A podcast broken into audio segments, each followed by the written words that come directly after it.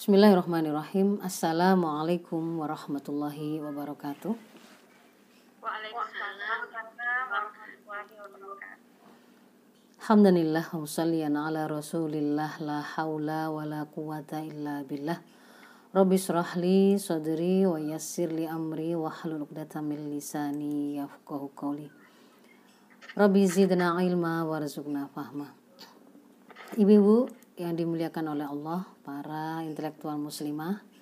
Yang dimuliakan oleh Allah karena keimanan dan juga kelebihan ilmu pengetahuan yang kemudian dipertanggungjawabkan dalam bentuk memanfaatkannya, mengaplikasikannya dalam rangka meninggikan Islam, mengamalkan apa yang kemudian diperintahkan oleh Islam, menyampaikan bagaimana Islam sebagai solusi dalam setiap persoalan yang kita hadapi di tengah-tengah masyarakat.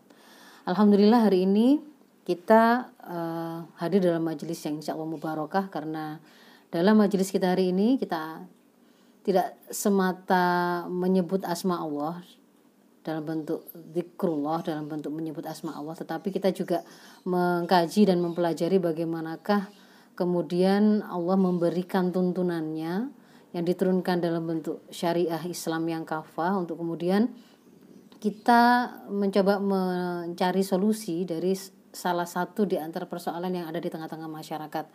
Hari ini kita bicara tentang bagaimana uh, konsep Islam, konsep dan metode Islam dalam mewujudkan individu maupun masyarakat yang sehat dan kuat, termasuk di dalamnya adalah yang tidak mudah mengalami apa gangguan mental ya.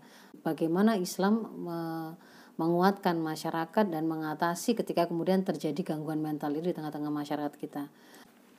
Jadi ibu-ibu, eh, pandemi COVID kemarin itu memang di antara fenomena yang satu sisi itu mungkin terasa berat, tetapi sisi yang lain ada banyak hikmah di baliknya. Di antaranya adalah eh, membuat kerusakan dari sistem kehidupan sekuler yang meminggirkan agama, yang membuang agama untuk mengatur kehidupan, itu menjadi sesuatu yang transparan untuk kita lihat kerusakannya ya. Pada masa pandemi kemarin itu bukan kemudian apa rumah tangga rumah tangga itu baru mengalami masalah atau kemudian ada individu-individu yang baru mengalami gangguan mental tidak tetapi sebenarnya eh, kerapuhan bangunan keluarga kerapuhan bangunan individu itu sudah sudah ada sudah ada sejak sebelumnya dan kemudian pandemi kemarin itu menjadi suatu stresor, suatu yang me membuatnya menjadi transparan dan mudah kita lihat karena kemudian seperti muncul di permukaan tanpa perlu kemudian kita cari. Nah, konten bahasannya memang pertama saya akan mengajak ibu-ibu untuk memahami konsep stres, respon stres dan solusi menangani stres itu kalau dalam konsep sekuler hari ini, artinya bukan dari konsep Islam. Lalu eh, yang kedua, sebelum kita masuk ke dalam perspektif Islamnya itu saya e, mengajak untuk mendudukkan hal-hal yang sifatnya objektif terkait dengan stres tadi yang kemudian nanti akan kita e, apa analisa begitu ya. Dan analisa itu harus menggunakan perspektif Islam. Maka kemudian saya mengawalinya dengan mengapa kok kita harus mengambil Islam baru kemudian kita masuk kepada konsep dan metode Islam dalam mewujudkan kesehatan mental.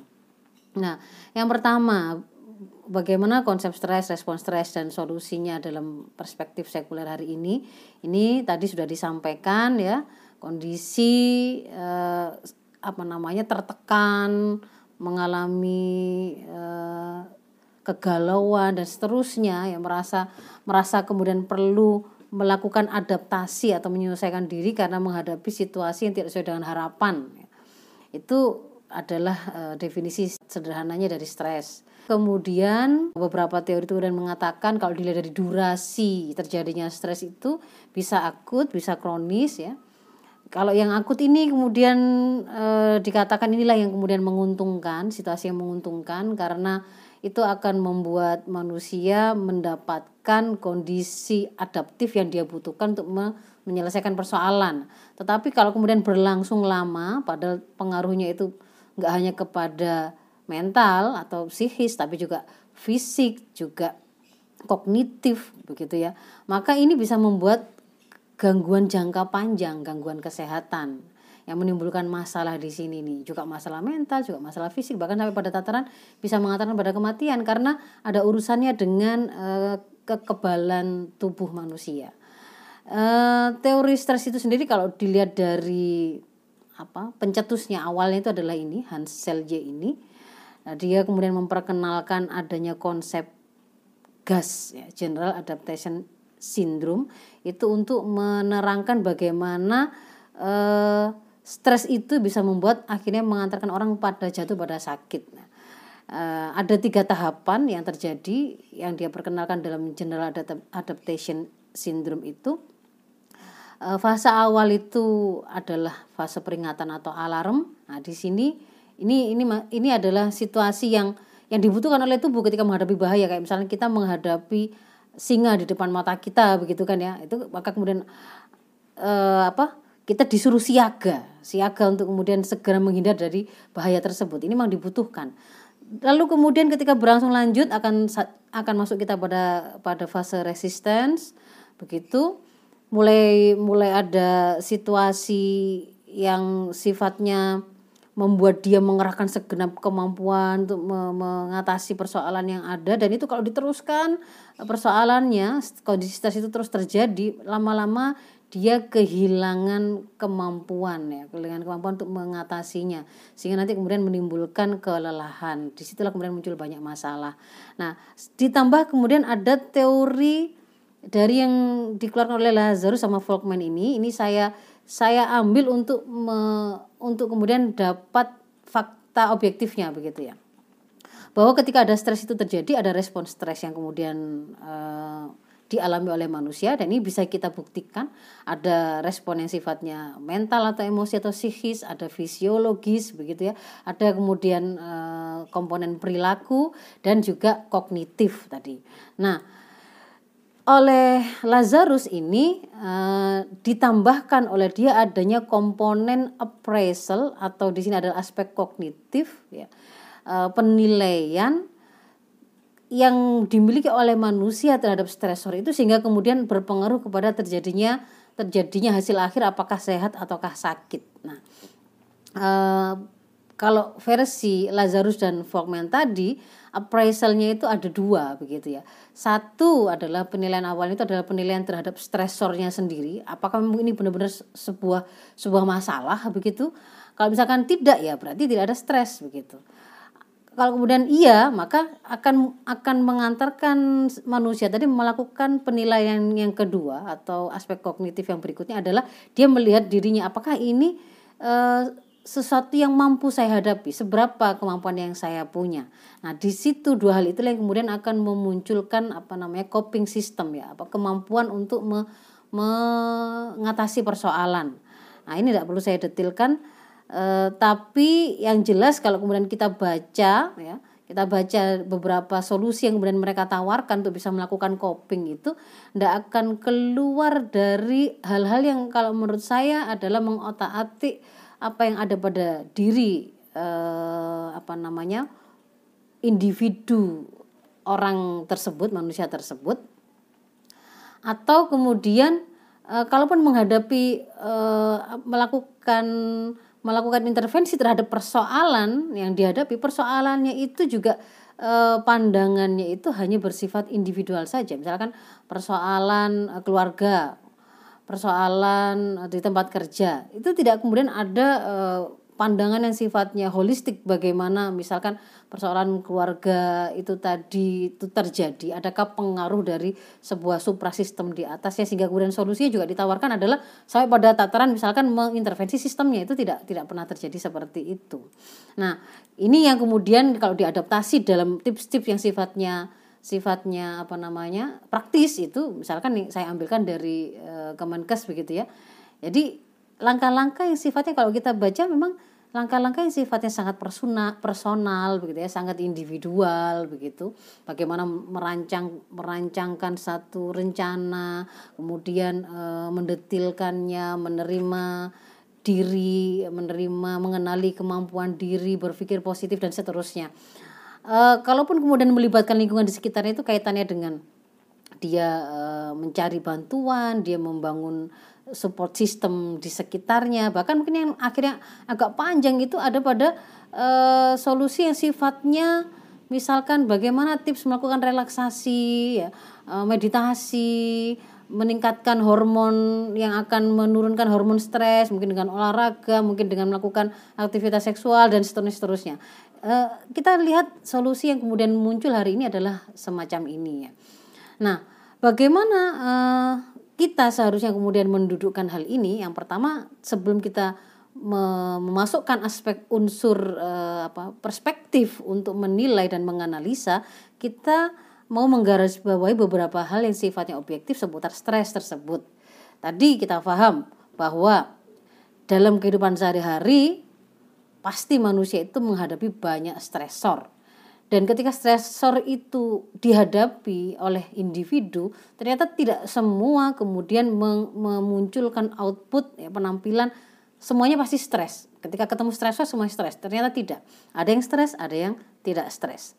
Stresornya itu sendiri tidak selalu berasal dari luar diri manusia atau individu itu, tetapi juga bisa berasal dari dirinya, dari dalam dirinya, kondisi fisiknya, uh, apa situasi hormonalnya, kan gitu ya, dan seterusnya seterusnya. Sementara uh, kalau di lingkungan ada banyak hal yang tadi mungkin juga sudah kita bahas ya yang di slide ini saya tidak menunjukkan bahwa fakta objektif kedua bahwa stresor itu bisa berasal dari dalam, bisa juga berasal dari luar dari e, manusia.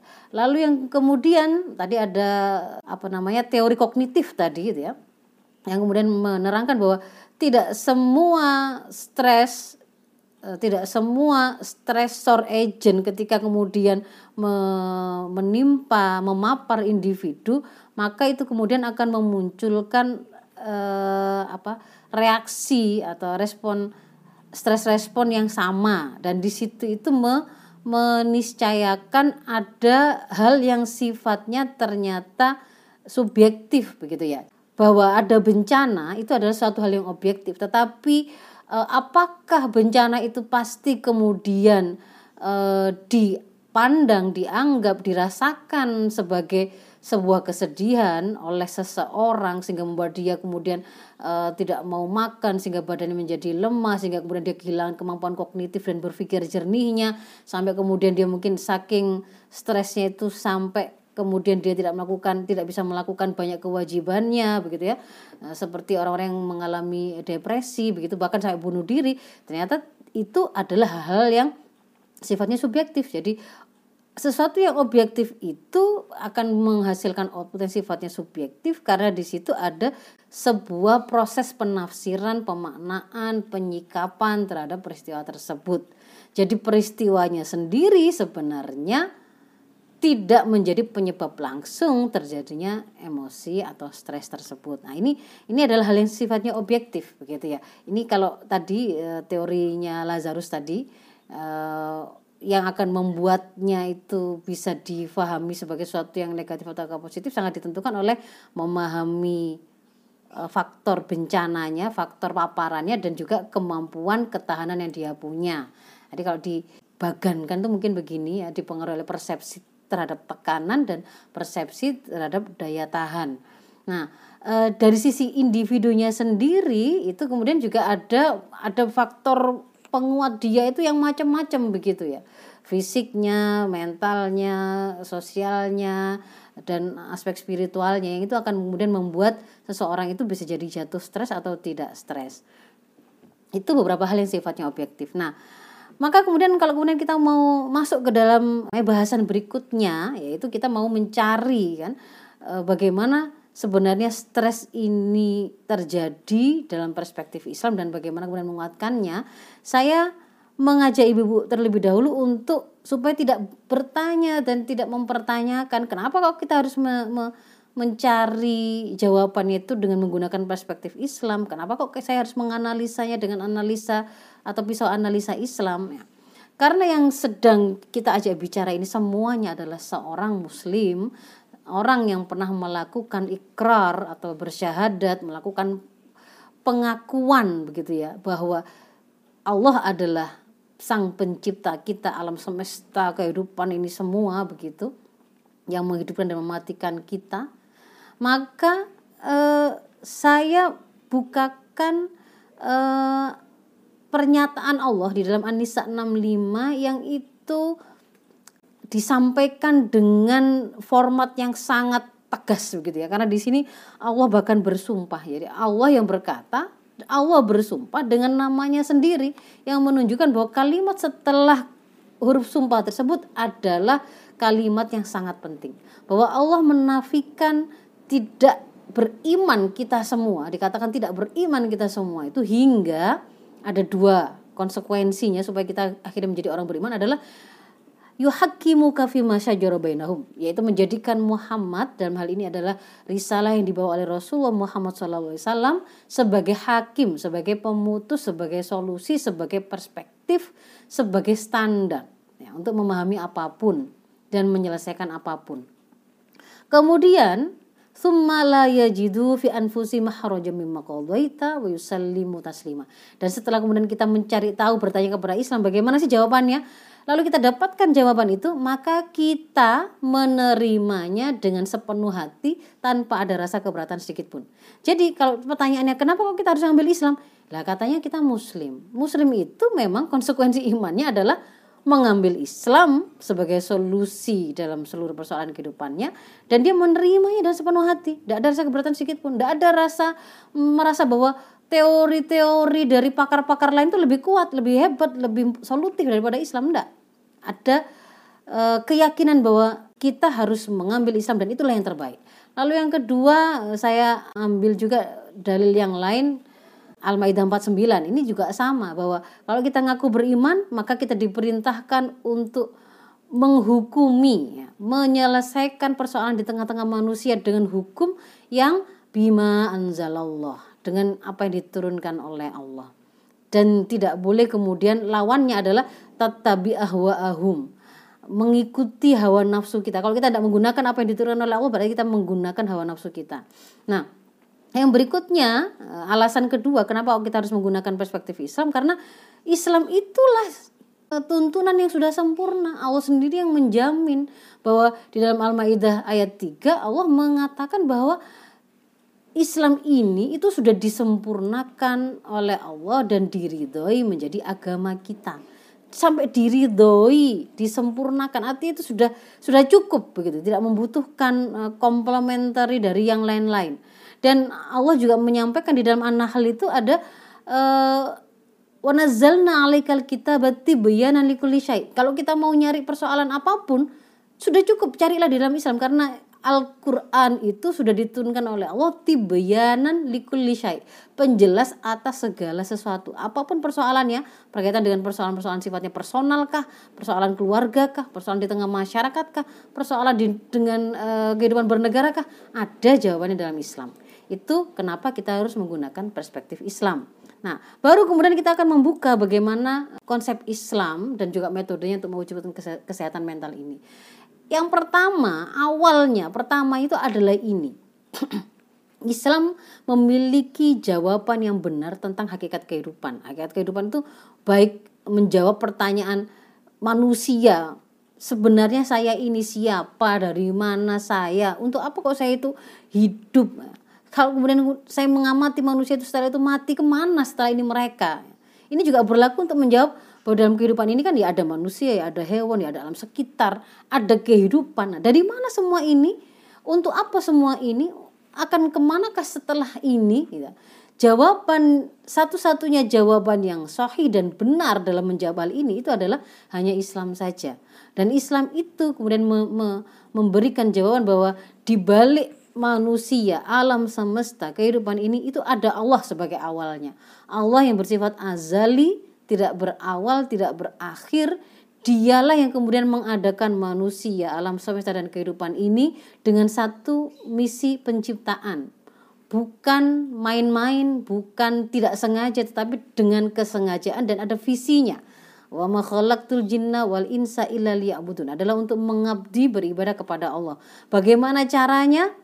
Itu yang itu adalah dengan menjalani seluruh episode hidup di kehidupan dunia ini dengan aturan yang diberikan oleh Allah. Jadi di situ ada koneksi antara sebelum kita hidup, sebelum kehidupan dunia ini dengan kehidupan sebelumnya. Ada hubungan penciptaan Allah sebagai Al-Khaliq tapi juga Allah sebagai Al-Mudabbir yaitu pengatur kita dan alam semesta ini. Dan berikutnya bahwa kehidupan ini nggak selamanya, tetapi ada akhirnya di, diperkenalkan ada konsep yang namanya akhirat. Di sana kemudian Allah akan me, apa namanya mengembalikan kita kepadanya untuk mempertanggungjawabkan bagaimana kita menjalani episode hidup kita di dunia ini. Jadi di situ ada hubungan ada hubungan kebangkitan pembangkitan Allah yang membangkitkan kita mengembalikannya kepadanya kita kembali kepadanya dan ada perhitungan hisap. Nah ini tuh akan menjadi sebuah apa namanya awal dari segala kekuatan dari bangunan Islam baik itu nanti bangunan personal atau individu atau kepribadian Islam yang dimiliki oleh seseorang muslim ataukah bangunan masyarakat Islam dan juga bangunan yang ketiga yang berikutnya yaitu bangunan negara dalam konsep Islam ya. Ketika kemudian uh, kita menemukan Allah itu sebagai awal dari segala sesuatu, maka kita memiliki sandaran yang sangat kuat. Ketika kita ketika kita menghadapi situasi merasa diri kita punya banyak kelemahan, ada banyak ke, apa persoalan-persoalan kehidupan yang terasa sangat berat, tetapi ketika kemudian kita meyakini ada Allah yang maha berkuasa atas segala sesuatu, bahwa sandaran kita itu sumber dari segala sumber kekuatan. Kalau kemudian kita hari ini ada orang bangga dan merasa merasa hebat karena dia memiliki kekayaan laksana sultan, misalkan begitu kan ya uh kayaknya tak terbatas. Maka sebenarnya segala sumber daya yang dia punya apakah itu uang ataukah rumah ataukah semua itu sebenarnya ujungnya itu berasal dari Allah. Dia sebenarnya hanya diberi oleh Allah. Bahkan kemampuan dia menikmati semua kenikmatan yang dia punya tadi apakah itu hanya setetes air atau setitik merasakan manisnya gula menghirup oksigen gitu ya. Memasukkan eh, satu makanan tertentu ke lambungnya itu kalau kemudian Allah tidak mengizinkan dia bisa merasakannya, dia bisa menelannya, dia bisa mengunyahnya, dia bisa mencernanya, tidak akan bisa dia merasakan nikmat itu. Jadi bahwa nikmat apa pun itu berasal dari Allah. Semua fasilitas untuk menikmati nikmat-nikmat tersebut pun juga berasal dari Allah dan Allah pun yang akan sanggup kemudian mengakhirinya. Maka di sini kita menyandarkan pada sebuah kekuatan yang luar biasa yang yang kalau dalam uh, kisah eh, para nabi dan rasul ketika kemudian kita bicara kejadian-kejadian yang luar biasa bisa membelah lautan sesuatu yang di luar nalar manusia kan begitu kan ya? Bisa membuat uh, seorang manusia bahkan diberi izin untuk kemudian menyembuhkan orang sakit atau bahkan me me menghidupkan orang mati seperti Nabi Isa. Kita uh, apa namanya me menyandarkan pada kekuatan yang dia itu memiliki pasukan ya. Ya batu bisa jadi pasukannya bumi ini bisa jadi pasukannya gunung-gunung bisa jadi pasukannya kan begitu kan ya. Angin udara air apa pun itu itu itu di tangan dia begitu di tangan dia. Kemudian kita merasa wah kok terhalang dengan uh, di tengah jalan terhalang dengan pohon yang sangat besar itu membuat stres misalkan. Maka sebenarnya semua yang kita hadapi ini itu di dalam genggaman Allah tersebut. Bahkan kemudian hati manusia yang kita tidak tahu bagaimana bagaimana menjangkaunya itu di, disebutkan bahwa dia itu dalam genggaman Allah untuk dibolak-balikkan se seenak seenak Allah saja begitu jadi Allah di situ maha berkuasa untuk melihat sifat-sifat Allah itu juga akan menguatkan. Allah maha melihat itu bahkan semut hitam berjalan di batu hitam di malam gelap tanpa cahaya. Allah tahu. Allah lah yang memberi rizki setiap eh, eh, makhluknya bahkan hewan melata sekecil apa pun begitu yang ada di dalam lautan yang tidak orang tidak pernah tahu. Itu Allah yang menjaminnya begitu kan ya. Jadi ini adalah awal kekuatan karena kita menyandarkannya pada sesuatu yang sumber dari segala sumber kekuatan. Lalu konsep yang menjadi implikasi dari akidah menjadikan Allah sebagai sebagai awal dari segala sesuatu adalah kemudian kita di, di, diajak memahami bahwa dunia ini gitu ya ini nggak selama lamanya sesengsara-sengsaranya seseorang, semerana-merananya menderita-menderitanya seseorang karena sakit misalkan, karena miskin misalkan, karena didolimi oleh orang misalkan. Tapi itu terjadi pada kehidupan dunia ini dan tidak akan selamanya. Dunia ini itu dibandingkan dengan akhirat itu jauh kalau akhirat itu selama-lamanya, di sana akan ada hari pembalasan, di sana ada surga dan neraka sebagai per, per, akhir dari perjalanan kita. Maka ketika kemudian seseorang misalkan menghadapi situasi terasa berat di sini, terasa uh, terdolimi amat sangat di sini, tidak mendapatkan keadilan di sini, dia akan masih tetap memiliki yang namanya harapan. Dia tetap memiliki harapan. Ada Allah yang melihatnya, ada Allah yang mau menolongnya, ada Allah yang mau berkuasa untuk menggerakkan apa pun ada Allah yang kemudian ketika Allah me, me, misalkan meminta dia bersabar akan memberikan imbalan yang luar biasa begitu kan ya? Itu kemudian membuat misalkan Sumayyah dan keluarganya uh, keluarga Yasir yang bapaknya Yasir ibunya Sumayyah para syahid uh, Sumayyah adalah syahidah pertama di di sejarah Islam.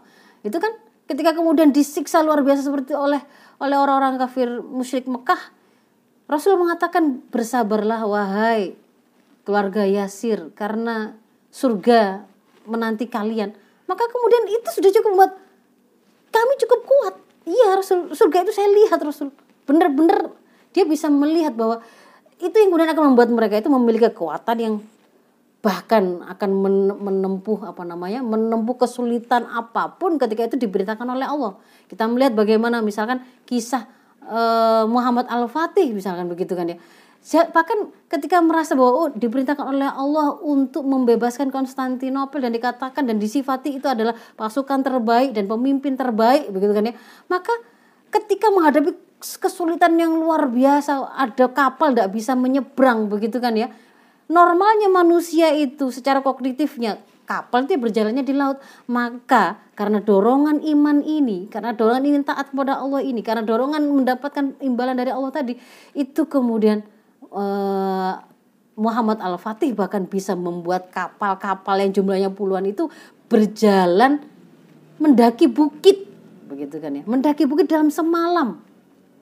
Luar biasa. Jadi ini ada banyak sekali kemudian. Misalkan juga uh, perang Hondak gitu Bagaimana kemudian mereka membuat parit se sejauh 8 kilo dalamnya 3 apa 8 meter lebarnya 3 meter padahal kalau ibu-ibu tahu me, apa namanya menggali tanah di Mekah itu itu itu batu kalau hari ini kan kalau mau membangun rumah kan mereka pakai peledak gitu tapi itu kemudian digali gitu. Dari mana kekuatan itu? Ya dari karena ada kekuatan iman ini begitu. Bahkan pada saat yang sulit seperti itu kemudian Rasul menyampaikan ada yang bertanya mana yang kemudian kita bebaskan terlebih dahulu Konstantinopel ataukah Rom? Itu situasi yang luar biasa bahkan orang munafik pada saat yang sama dia kemudian menertawakan mereka menertawakan situasi kayak gini beratnya kamu sedang menghadapi kepungan pasukan azab yang berkoalisi luar biasa banyaknya kalian bahkan membuat parit saja kesulitan kepanasan kelaparan bicara tentang membebaskan Konstantinopel dan Romawi. Apa kekuatan yang mereka punya? Bukan kekuatan fisik, bukan kemudian kekuatan persenjataan atau peralatan, tapi di situ yang utama adalah karena ada kekuatan iman. Kemudian juga hal lain lagi tentang akidah ini adalah kita kemudian di, diajak untuk memiliki pemahaman yang benar. Tidak semua peristiwa itu dalam tanggung jawab kita. Tidak semua peristiwa yang kita alami yang terjadi atas diri kita di dalam kehidupan kita itu adalah kesalahan kita atau ada andil kita di situ. Ada konsep kodok yang itu merupakan ketetapan Allah. Tidak ada ikhtiar manusia di situ, tidak ada peran akal manusia di situ, sehingga manusia tidak akan diminta pertanggungjawaban di situ. Terlahir sebagai seseorang dengan beras apa, bersuku apa, kenapa kulitmu kok hitam putih, itu tidak akan ditanya, tidak akan dihisap. Dan seseorang tidak akan dibikin stres gara-gara itu. Kalau hari ini kan itu dikonsepkan sebagai di antara hal yang akan membuat stres dari faktor internal. Kok saya kok kulitnya kok hitam kok nggak secantik ini kan begitu. Maka ketika di seseorang itu memiliki pemahaman yang benar tentang mana yang itu dalam batas atau ranah kemampuan dia untuk melakukan ikhtiar, mana yang tidak, maka dia akan dia akan ada pada porsi yang memang menjadi kemampuannya begitu. Kemudian juga konsep tentang ujian, kesulitan, kesempitan dan juga nikmat. Nah, ini misalkan contohnya ini ya. Bahwa di dalam Islam itu namanya ujian itu itu kelaziman kehidupan. Siapa pun yang hidup pasti mengalami ujian. Maka dia tidak akan merasa kagetan dengan ujian. Ujian itu dalam bentuk apa pun, macam-macam. Memang kemudian disampaikan oleh Allah, kalau kamu hidup ya pasti akan saya uji. Kadang ujiannya dalam bentuk uh, rasa lapar, ujian terkait dengan uh, apa namanya pasangan, ujian dengan anak, ujian dengan ekonomi dan seterusnya. Tetapi ujian tadi itu dalam rangka untuk memberi kamu kesempatan menjadi orang yang lebih baik dan nanti kemudian akan Allah jadikan ujian tadi itu ada kalanya penghapus dosa, ada kalanya itu menjadi pengangkat kedudukan kita di sisi Allah dan seterusnya. Konsep ujian yang tepat. Lalu bahwa kalau kemudian menghadapi situasi berat, masalah, kesempitan, penderitaan, ternyata persepsi kita itu diajari untuk tidak otomatis itu pasti merupakan keburukan. Apa yang kita kira itu wah ini kalau saya miskin ah pasti buruk. Kalau saya itu jelek oh pasti saya buruk. Kalau saya itu gemuk oh pasti itu keburukan. Enggak. Ternyata segala apa pun yang menimpa kita baik dalam persepsi manusia itu baik ataukah buruk dalam pandangan Islam semuanya bagi seorang mukmin itu baik. Bisa jadi kebaikan asalkan apa penyikapannya tepat ketika dirasakan dia mendapatkan banyak kenikmatan kesenangan dan dia bersyukur maka itu menjadi kebaikan bagi dia Sebaliknya, seandainya pun dia mendapati satu kesusahan, kesulitan, wah kayaknya itu kerugian begitu. Tetapi ketika dia bersabar, itu pun tetap jadi kebaikan. Jadi di sini mengkonfirmasi bahwa bukan apa yang menimpa kita itu sebenarnya yang menentukan kita jadi bagaimana, stres atau tidak stres, tetapi bagaimana penyikapan yang kita miliki. Termasuk yang kemudian akan menguatkan adalah ini. Bagaimana kemudian kita diajari untuk mendudukkan dunia di hadapan akhirat. Akhirat itu selamanya dunia ini sebentar saja. Kalaupun ada kenikmatan-kenikmatan yang sangat banyak di situ, itu dibandingkan dengan kenikmatan di akhirat. Seperti celupan jari ke laut dan kemudian kita angkat yang ter, menetes dari jari itu. Itulah dunia begitu kan. Maka seorang muslim tidak akan kemudian bersikap lemah, mudah putus asa dari rahmat Allah ketika kemudian uh, dia menghadapi kehidupan apa ujian-ujian kehidupan yang harus dia temui ketika dia harus memegang agamanya, memegang kebenaran misalkan. Itu bagi dia harganya sangat murah begitu, sangat murah. Sangat murah. Nah, itu dari sisi eh, apa namanya beberapa hal yang kemudian akan mempengaruhi. Dan kalau kemudian kita kita terapkan pada pada bangunan eh, individu, bangunan individu yang seperti apa yang akan ditampilkan, yang akan dibangun oleh akidah yang menjadi fondasi ini, iman ini tadi, akidah ini tadi itu kan akan membentuk pola pikir yang dimiliki oleh seseorang. Berpikir itu adalah sebuah proses yang melibatkan empat komponen ya. Ada fakta yang difikirkan, dicerap oleh indera, ditangkap oleh indera, disampaikan ke otak dan di sana ditafsiri. Ini sesuatu yang seperti apa? Kalau penafsirannya ini menggunakan informasi yang benar, maka hasil berpikirnya akan benar. Dan ketika benar, maka bangunan di atasnya, ya, pola pikirnya benar, akan menghasilkan pemahaman yang benar, pemahaman yang benar akan dia gunakan untuk mengikat kecenderungan-kecenderungannya, amalnya, nafsunya, maka akan ter ter guidance ya, akan tertunjuki, akan tergiring amalnya itu tuh dengan amalan-amalan yang benar. Sehingga kemudian tampilan yang akan kita lihat dalam bentuk sifat-sifat, kumpulan amal, perilaku yang kemudian akhirnya menjadi karakter pada diri seorang muslim itu adalah karakter-karakter utama, karakter-karakter yang tangguh, bukan rapuh, bukan mudah galau, bukan lemah, enggak. Di situ adalah orang yang dia tidak takut mati kalau memang dalam rangka kebenaran, tidak mudah membuat dia itu ketakutan karena rasa lapar. Dia tidak uh, sangat matre, dia zuhud, dia mungkin bisa jadi kaya raya tetapi tang kekayaan itu di tangannya bukan di hatinya begitu kan dia akan menjadi orang yang berpikir hidup itu bukan hanya untuk makan minum tidur ngeseks BAK BAB karena kalau kayak kayak kayak begitu itu bukan manusia itu. Ayam juga melakukan itu begitu ya. Maka dia akan berkarakter seperti ini. Kalau jadi pemimpin dia pemimpin yang tangguh mutakin. Kalau dia jadi rakyat-rakyat yang mengawal perjalanan kehidupan ini supaya kemudian lurus kan begitu kan ya. Tidak mudah menyerah dan seterusnya itu ketika bangunan personal atau kepribadian Islam.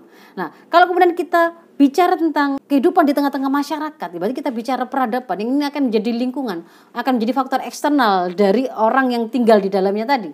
Maka apa yang kita saksikan dalam kehidupan ekonomi, pergaulan, bagaimana penanganan e, kebutuhan kesehatan, sistem politiknya, pendidikan dan seterusnya, e, persangsiannya, maka ini sebenarnya adalah sistem-sistem yang sifatnya itu pemikiran cabang dia itu. Dia akan seperti apa warnanya ditentukan oleh pemikiran dasarnya. Pemikiran dasarnya itu apa? Ya kembali kepada pemikiran tentang hakikat kehidupan ini, manusia, alam semesta, kehidupan ini untuk apa dia ada kan begitu. Bagaimana dia harusnya dilakukan, diatur. Sehingga kalau kemudian ini jawabannya benar, maka nanti ketika mengatur pergaulan juga benar, ketika mengatur ekonomi juga benar, mengatur politik juga benar, sehingga gambaran peradabannya juga peradaban yang yang yang benar, yang bagaimana yang akan membuat persoalan-persoalan manusia terselesaikan dengan tepat, solutif, bukan malah menimbulkan masalah baru. Dan karakternya syariah itu kalau kemudian kita lihat dia yang tadi saya katakan sudah sempurna tadi itu karena dia meliputi eh, pengaturan untuk seluruh interaksi yang dilakukan oleh manusia, baik manusia dengan dirinya sendiri ketika dia mau nyari jawaban saya mau makan makan yang bagaimana saya mau minum saya mau pakai pakaian saya mau menghiasi diri saya dengan sifat seperti apa. Di situ ada aturan yang secara sangat rinci oleh Islam dijawab. Sama rincinya ketika dia kemudian menerangkan bagaimana seharusnya kita menjalin hubungan dengan Tuhan kita melakukan interaksi dengan pencipta kita. Sama detailnya sama sama lengkapnya dengan ketika kemudian menerangkan bagaimana seharusnya Eh, negara itu memiliki sumber-sumber pendapatannya dan bagaimana membelanjakannya, bagaimana kemudian kita melakukan uh, pengasuhan dan pendidikan anak, bagaimana hubungan suami dan istri, hak dan kewajibannya seperti apa, bagaimana eh, kita melakukan antara hak rakyat dengan penguasa-penguasa terhadap rakyatnya dalam bidang politik dan seterusnya itu lengkap detil dan diatur dengan karena dia adalah aturan yang benar maka sifatnya solutif dan akan memunculkan atau menjadi sumber kebaikan. Nah, nanti itu akan e, menjadi faktor yang penguat yang berikutnya begitu kan ya. Ketika syariat tadi diterapkan, Islam e, Allah kemudian memberikan sebuah jaminan. Ketika syariah Islam itu diterapkan, haitsuma yakunu syar'u takunul maslahah. Kalau dalam kaidah syaraknya, di mana pun syariah itu kalau diterapkan, maka di situ akan memunculkan maslahah. Kalau dalam Al-Qur'an di sana Allah menjanjikan akan jadi rahmat. Ketika Allah mengatakan bahwa arsalnaka ila rahmatan lil alamin dan tidak tidaklah aku utus engkau Muhammad kecuali menjadi rahmat bagi alam. Ternyata bagi alam bahkan ya tidak hanya untuk kehidupan lokal-lokal kita di keluarga kita atau diri kita, tetapi sampai kehidupan seluruh alam. Hewan akan merasakan rahmatnya, tumbuhan juga akan merasakan begitu, alam akan merasakan rahmat atau kebaikannya di sini ini maksudnya itu bukan Rasul Muhammadnya saja karena Rasul Muhammad itu manusia plus risalah. Jadi risalah itu ketika diterapkan secara kafah, secara keseluruhan, maka di situlah rahmat itu akan bisa dirasakan. Dan ini implikasinya tidak hanya di dunia, tapi juga di akhirat. Sebaliknya kalau kemudian kita malah tidak melaksanakan syariah tadi, Allah mengatakan dijanjikan akan akan terasa kehidupan yang sempit, ma'isyatan dongka, sempit seperti hari ini sempit kita merasakan kok generasi kok tambah lama kok tambah banyak masalah. Kok kita merasakan semakin semakin lama kok semakin eh, persoalan semakin kompleks saja. Kok banyak penguasa yang tambah tambah tidak mengayomi rakyatnya. Kok tambah banyak orang-orang dolim yang berkeliaran di jalan-jalan dan seterusnya, seterusnya itu kehidupan sempit. Dan kalau pakai bahasa yang lain di dalam Al-Araf 96 dijanjikan kalau diterapkan syariat tadi dalam seluruh aspek kehidupannya yang itu artinya adalah takwa itu sendiri. Karena takwa itu kan taat pada semua perintah Allah meninggalkan semua larangan Allah. Maka yang dijanjikan itu adalah berkah ada barokah. Barokah itu bermakna menetapkan kebaikan dan menambah kebaikan dan kenikmatan tersebut. Jadi ketika berkah maka nanti akan kita dapatkan air hujan yang diturunkan oleh Allah menambah kenikmatan, menambah kebaikan. Kalau kemudian eh, tanah ini mengeluarkan tanaman maka akan menambah kebaikan, menambah kenikmatan dan seterusnya. Nah, kalau pakai konsep dalam konsep syariah itu ketika Islam diterapkan secara kafah maka di situ akan menjamin terpenuhinya kebutuhan dasar manusia, terpeliharanya jiwa, terpeliharanya akal, terpeliharanya keturunan, terpeliharanya harta, terpeliharanya agama, bahkan terpeliharanya negara bahkan. Jadi hari ini ini semua tidak terpeliharanya jiwa, tidak terpeliharanya akal, tidak terpeliharanya keturunan, tidak terpeliharanya harta, tidak terpeliharanya agama. Ini menjadi faktor-faktor yang menjadi stresor tersendiri. Kok mudah sekali orang membunuh orang. Kemudian tidak ada hal yang kemudian membuat mereka itu menjadi apa? jerah Kok mudah sekali orang mengambil harta orang gitu ya. Korupsi kah? Begal kah, eh, pencurian kah. Kok mudah sekali kemudian lahir-lahir bayi-bayi yang tidak jelas keturunannya siapa, siapa penanggung jawabnya. Mudah sekali akal rusak hari ini. Seperti tidak ada harganya akal itu. Di mana orang-orang berakal tambah banyak banyak orang yang seperti bodoh-bodoh saja begitu. Hari ini kita menengamati hal tersebut begitu. Nah, kalau kemudian kita lihat akidah tadi hubungannya dengan kekuatan masyarakat, maka ini begini, masyarakat itu bukan sekedar kumpulan orang, tetapi kumpulan orang ini harus berinteraksi terus-menerus. Supaya mereka bisa berinteraksi terus-menerus, mereka harus punya kesamaan persepsi dalam memandang sesuatu, halal, haram, baik, buruk, terpuji, tercela, dan kemudian akan mempengaruhi rasa yang mereka punya. Saya suka, saya ridho, saya tidak suka, saya memandang pencurian itu halal ataukah haram, salah ataukah benar, uh, itu terpuji ataukah tercela sehingga kemudian saya merasa saya rela atau tidak kalau ada orang yang mencuri harta saya atau saya merasa senang kalau saya melakukan pencurian ataukah tidak itu di sini. Dan itu akan dilanggengkan oleh aturan yang sama dengan persepsi dan perasaannya. Padahal tadi kita sudah paham yang membentuk sistem cabang tadi itu adalah akidah ujung uh, bangunan dasarnya. Yang membentuk persepsi manusia tadi juga akidah.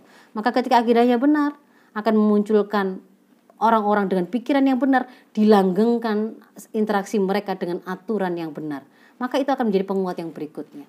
Nah maka di tengah-tengah masyarakat itu kita lihat masyarakat Islam itu bukan masyarakat yang yang saling menegasikan yang cuek satu sama lain eh, kemudian bahkan berpikir bagaimana merusak untuk kepentingan dirinya sendiri enggak. Tetapi yang ada itu adalah karena dorongan iman kita diajari kita harus memiliki kepedulian pada orang lain. Mereka laksana satu tubuh. Bahkan ada konsep namanya uhwa Islamiyah ada konsep namanya isar. Isar itu mendahulukan orang lain yang kemudian lebih membutuhkan gitu ya. Seperti kisahnya sahabat yang kemudian menjamu tamunya dan dia hanya berpura-pura ikut makan dengan mematikan lampu karena ingin mendahulukan tamunya.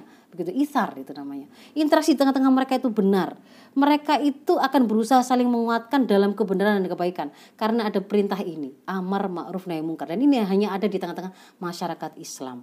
Maka kondisi masyarakat yang kuat dan menguatkan tadi itu adalah penguat yang berikutnya. Dan yang ketiga ini adalah uh, para penguasa di dalam Islam itu diperintahkan memiliki karakter ro'in. Ro'in itu pemelihara urusan rakyat yang benar-benar ngeramut, benar-benar memelihara dengan sebaik-baik pemeliharaan. Dan dia juga menjadi junah. Al-imamu ro'in wa, wa huwa mas'ulun an ro'iyati. Dan dia juga ibaratnya junah atau perisai yang di belakangnya umat itu akan berlindung dari hal yang merusaknya. Maka di sini ini akan menjadi hal yang menguatkan berikutnya karena dia menjadi penerap aturan atau kebijakan yang benar dia orang yang terpercaya dia orang yang bertakwa maka pertemuan antara orang yang berkualitas eh, pemimpin yang bertakwa dan kebijakan yang benar itu akan membuat negara ini melahirkan kebijakan-kebijakan yang akan menguatkan. Ada interaksi antara individu yang bertakwa, masyarakat yang kondusif ya dan kemudian kebijakan negara itu akan membuat kita semua ini eh, ada dalam keadaan senantiasa dijaga kesehatan dan kekuatannya. Maka Islam mewujudkan individu yang tangguh, masyarakat yang kuat menguatkan, negara penegak peradaban terbaik. Maka imunitas masing-masing orang maupun secara komunal itu akan terbangun dengan sempurna. Oh alam bisawab, afu minkum hidina mustaqim. Assalamualaikum warahmatullahi wabarakatuh.